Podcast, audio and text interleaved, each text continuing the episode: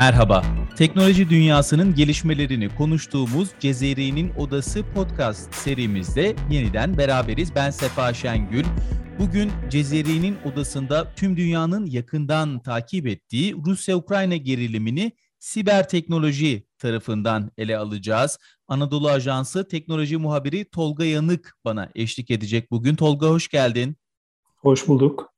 Bir de konuğumuz var ki Anadolu Ajansı'na özellikle bu alanda detaylı bir analiz yazdı. Dinleyicilerimize o analizi de okumalarını tavsiye ediyorum. Siber güvenlik uzmanı Doktor Emine Çelik bizlerle birlikte. Hocam hoş geldiniz. Merhaba, hoş bulduk. Hocam şöyle başlayalım istiyorum. Ee, bir çatışma hazırlığı gerçekten de uzun zaman alan bir süreçtir e, bildiğimiz üzere. Askeri teçhizatlarıyla ve strateji planlarıyla tabii.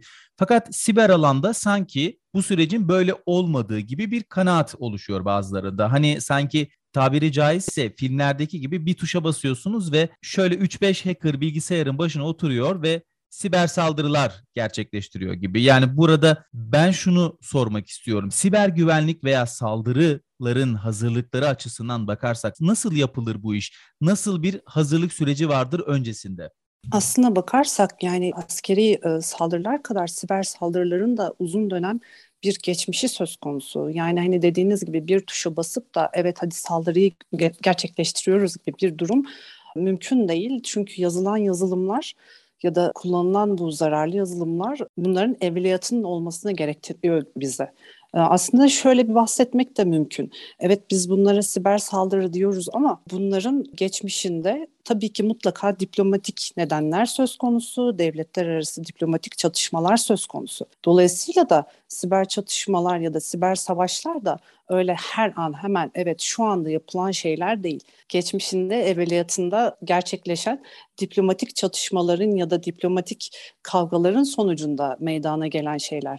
Dolayısıyla da bir ön hazırlık e, gerektiren durumlar. Ben şunu eklemek istiyorum Sefa. Tamam. Emine Hoca siber saldırıları genel olarak özetledi. Yani bugün tabii insanlar genellikle normal bir savaş çıktığında siber savaşın da buna eşlik ettiğini ve hibrit bir savaşın sürdüğünü düşünüyorlar. Fakat Emine Hoca'nın da belirttiği gibi siber savaşlar aslında hiç bitmiyor. Ve Microsoft'un bir raporu var geçen yıla dair. E, burada ulus devlet kaynaklı siber saldırılar analiz ediliyor ve bu saldırıların %58'inin Rusya'dan geldiği görülüyor. E, bu noktada Rusya'nın büyük bir etkinliği var. E, bu saldırılarda istihbarat elde etmek amacıyla devlet kurumlarının hedef alındığı belirtiliyor. Ve burada çok ilginç bir bilgi var. Savaş daha henüz herhalde daha bir ay bile olmadı. Fakat geçen yıl Rusya kaynaklı saldırıların hedef aldığı ülkeler arasında ilk üçte Amerika Birleşik Devletleri, Ukrayna ve Birleşik Krallık var. E, burada Ukrayna'yı ikinci sırada görüyoruz. Ben bu noktada Emin Hanım'a şunu sormak istiyorum. Ukrayna-Rusya siber savaşında son gelişmeler nedir?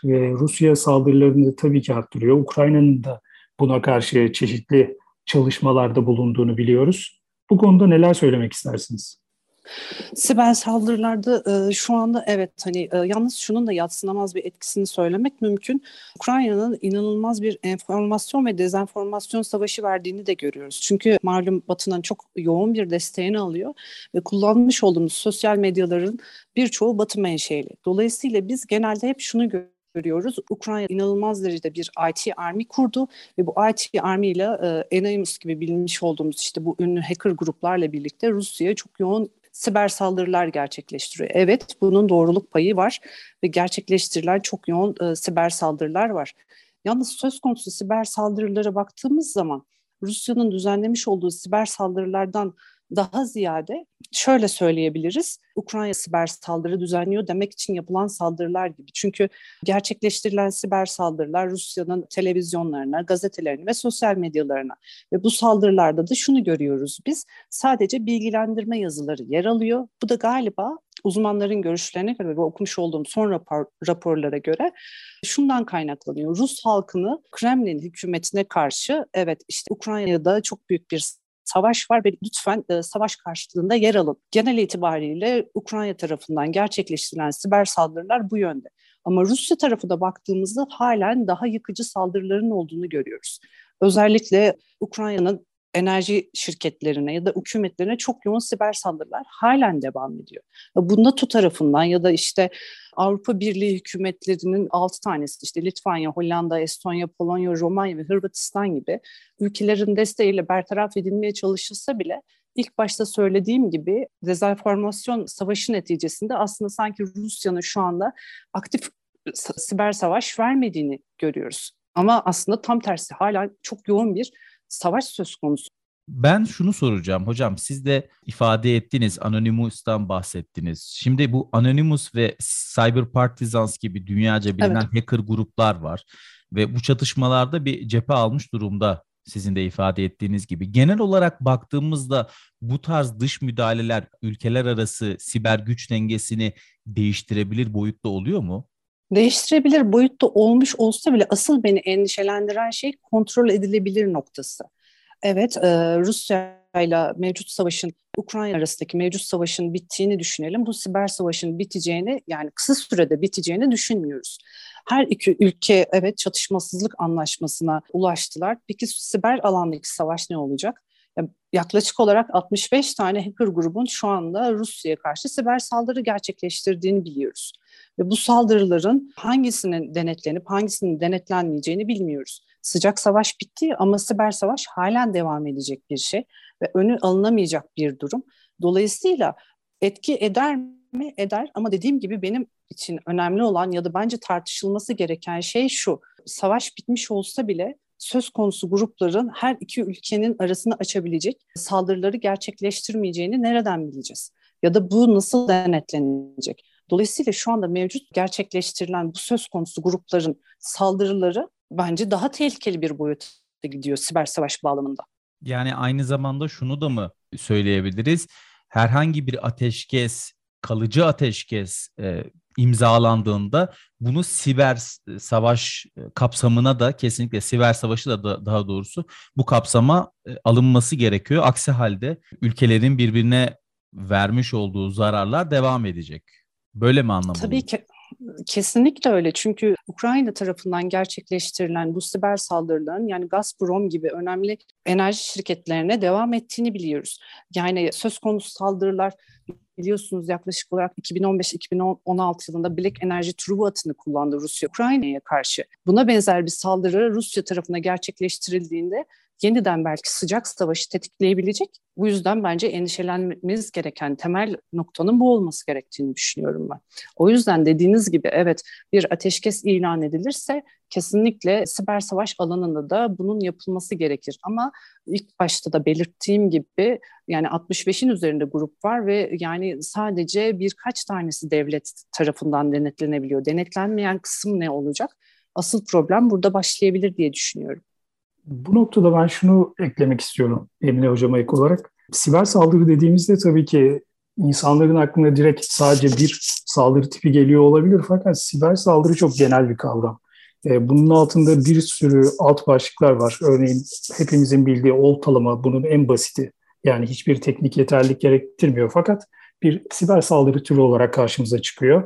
İşte kurbana, hedefe bir sahte web sitesi iletiliyor. Onun üzerinden çeşitli bilgileri alınmaya çalışılıyor ama ülkeler arasındaki bu siber savaşlarda karşımıza e, DDoS dediğimiz e, saldırılar daha fazla çıkıyor, daha fazla kullanılıyor. E, bu saldırıları biraz açmak gerekirse siber saldırı grupları e, örneğin bazen e, kullanıcılar ücretli programları internetten indirmek isteyebiliyorlar e, bu tarz içerikleri bilgisayarlarına indirdikleri zaman bu siber saldırı gruplarının çoğu bunları kullanarak kullanıcıların bilgisayarlarını bir bot haline getiriyor ve dünyanın farklı ülkelerinden bu botları siber saldırı amacıyla kullanılıyor. E, DDoS dediğimiz saldırılar da örneğin şöyle diyebiliriz. Şu an girdiğimiz bütün sunucular, e, bütün siteler aslında bir sunucu altyapısına sahip. Yani biz bugün bir bankanın e, sistemine girdiğimizde aslında bir sunucuya bağlanıyoruz ve bu sunucunun da bir işlem kapasitesi var. E, bu işlem kapasitesinin üzerine çıktığınız zaman bu sunucu artık işler halden çıkıyor ve işlemez hale geliyor. DOS saldırılarında da siber saldırı grupları hedef ülkenin kurumlarına e, bu botlar aracılığıyla fazla bir yüksek bir trafik göndererek o sistemleri işlemez hale getiriliyor. Aslında kilitliyorlar burada bir, yani bir anlamda. Tabii kilitliyorlar. Burada bir veri elde etme süreci olmuyor. Yani e, sadece oradaki sistemi kilitleyerek işlemez hale getiriyor. Dinleyicilerimiz şöyle düşünebilir. İşlemez hale getirince ne oluyor? Aslında bu soru çok kritik. 20 yıl önce bir savaş olsaydı burada siber saldırılar arasında çok da büyük yıkımlara neden olmazdı. Fakat özellikle son 10 yılda düşündüğümüzde artık bütün finansal teknolojiler, bütün hayatımızın her dinamiği artık dijital teknolojilerle ilerliyor. E, bugün Emine Hanım da bahsettiği gibi artık e, enerji şirketleri hedef alınıyor. Yani bu çok ciddi bir soruna yol açabilir. Onun dışında ülkelerin borsaları hedef alınıyor. E, borsadaki işlemlerin aksaması, finansal sistemlerin çalışmaması ülkelere çok ciddi geri dönülmez ekonomik e, sonuçlara sebep oluyor. E, bu noktada bunu söyleyebiliriz. Ben Emin Hanım'a şunu sormak istiyorum. NATO bildiğimiz gibi e, normal savaşlar anlamında çeşitli aksiyonlar almaya zorlanıyor. E, bu noktada e, Ukrayna'nın NATO'nun bildiğimiz gibi bir siber savunma merkezi var. E, buraya alınma gibi bir durumu var. Çeşitli ülkeler bunu veto ettiler, reddettiler. Bu noktadaki gelişmelerle ilgili son durum nedir? söz konusu durumda NATO yani tabii ki katkıda bulunan ülke konumunda bir desteğini iletti. Bununla ilgili aslında 2021 yılında Macaristan'ın bir vetosu söz konusu. Bu vetodan sonra e, tabii ki hani Ukrayna'yı şaşırtan bir veto bu. Yeniden Rusya'nın düzenlemiş olduğu bu yoğun saldırılar sonrasında yeniden başvurduğunda işte 2022'nin ortasına doğru kabul edilebileceği söylenmişti. Ama yapılan son açıklamadan sonra evet artık NATO bünyesinde daha doğrusu NATO'nun siber savunma mükemmeliyet merkezinde artık Ukrayna'yı görebiliriz. Çünkü NATO bu konuda pozisyon almayı tercih etti ve daha öncesinde zaten Estonya ile birlikte bir işbirliği söz konusu. Dolayısıyla artık birlikte çalıştıklarını söylemek mümkün. Hocam ben bu noktada şimdi NATO söz konusu olunca şimdi 2016'da aslında çok uzun bir süre yok. 2016'daki evet. Varşova zirvesinde siber uzayı bu Karadeniz ve hava uzay gibi harekat sahası olarak tanımladı NATO. Yani Hı-hı. biraz bu konuda aslında geç kalınmış da bir karar olduğunu düşünüyorum. Siz ne düşünüyorsunuz bu konuda? İkincisi de şu. Demek ki NATO'nun bu konuyla alakalı bir tehdit algılaması var 2016'da ki daha önce hani Estonya konusunu biliyoruz. Ondan çok daha önce 2007 civarlarında. Peki şunu sorayım. Ee, bu siber savaşta e, Ukrayna ve Rusya açısından bakarsak nasıl bir strateji iz, izliyorlar? Özellikle sizin yazınızda Rusya'nın bu konuyla alakalı çok ciddi bir e, altyapı hazırlığı yaptığından bahsetmiştiniz. Evet kesinlikle. Zaten hani tarihsel background'una bakarsanız dediğim gibi son yani 10 yıldır bildiğimiz test sahası olarak kullanıyor Rusya Ukrayna'yı. Çünkü çok yoğun saldırılar gerçekleşti. Yani Tolga Bey'in az önce bahsetmiş olduğu bu DDoS saldırılarından daha ağır saldırılar. Bu e, Black Energy Truvat'ı özellikle 2014, 2015, 2016 yıllarında yani Ukrayna'yı bildiğimiz elektriksiz bıraktı. Yani karanlıkta bıraktı. Bunlar çok ağır saldırılardı. Daha sonra söz konusu bu saldırılar tabii ki e, Avrupa'da ve Amerika'daki bazı enerji şirketlerine de sıçradı. Bunlar büyük saldırılar. Daha sonra zaten bir 2017 yılında Notpedia yazılımı var. Dediğimiz gibi aslında Rusya'nın eli bu konuda çok kuvvetli. Bu Notpedia yazılımı ilk başlarda biliyorsunuz 2017 yılında yine bütün dünyayı etkileyen WannaCry saldırısı vardı. Yani ilk başlarda evet WannaCry'e benzetildi ama daha sonra Notepedia'nın e, çok ağır bir yazılım olduğu, ağır bir virüs olduğu fark edildi ve söz konusu bu yazılım bilgileri depolamak yerine e, sadece sildi. İlk başta Notepedia'ya baktığınız zaman Ukrayna hedef olmuş olsa bile Ukrayna ile ilişki içerisindeki tüm batılı şirketleri ve dolayısıyla e, tüm batıdaki e, ülkeleri de etkiledi. E, dolayısıyla dediğim gibi Rusya e, Rusya'nın saldırıları e, aslında azımsanmayacak düzeyde ama medyada, yazılı, görsel ve sosyal medyada biz bunu artık çok fazla aktif göremiyoruz. Tahminimce birkaç ay sonra siber güvenlik şirketlerinin yayınladığı raporlarda Rusya'nın aktif gücünü daha net göreceğiz diye düşünüyorum. Peki hocam şimdi Rusya bildiğimiz kadarıyla çok büyük antivirüs firmalarını barındıran ve bu konuda iyi bir know-how'a sahip olan bir ülke. E, bu konuda özellikle defans kısmında nasıl bir performans sergiliyor? Defans kısmında performansına aslında bak, bakacak olursak yani 60-65 tane grubun sürekli siber saldırı gerçekleştirdiğini düşünün ki bunda NSI de var Amerika tarafında ve bunları eğer defans edebiliyorsa e, sadece işte Rusya'nın hükümetine ait web siteleri DDoS saldırısına maruz kalıyor ama yani şu anda Rusya'da bir elektrik kesintisi yaşanmıyorsa, çok büyük bir yıkım yoksa defansının da çok iyi olduğunu söylemek mümkün. Demek ki çok iyi bertaraf ediyorlar ki Rusya'nın istihbarat servisinin içerisindeki söz konusu siber saldırı ve savunma birimleri bu konuda çok çok iyi eğitimliler. Evet. Hocam çok teşekkür ederiz. Ağzınıza sağlık. Ee, yayınımıza katıldığınız için.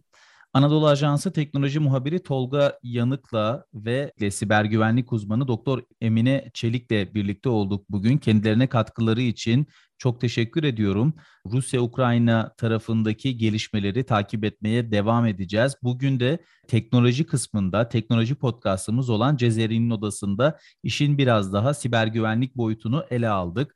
Anadolu Ajansı'nın podcast yayınları da Twitter'da AA Sesli hesabında paylaşıyoruz. Yine bizi dinlediğiniz Spotify, Apple Podcast gibi sesli yayın uygulamalarında da Anadolu Ajansı'nın podcast yayınlarına abone olmayı unutmayın lütfen diye tekrar hatırlatıyorum. Cezeri'nin odasından bu bölümlük bu kadar. Hoşçakalın.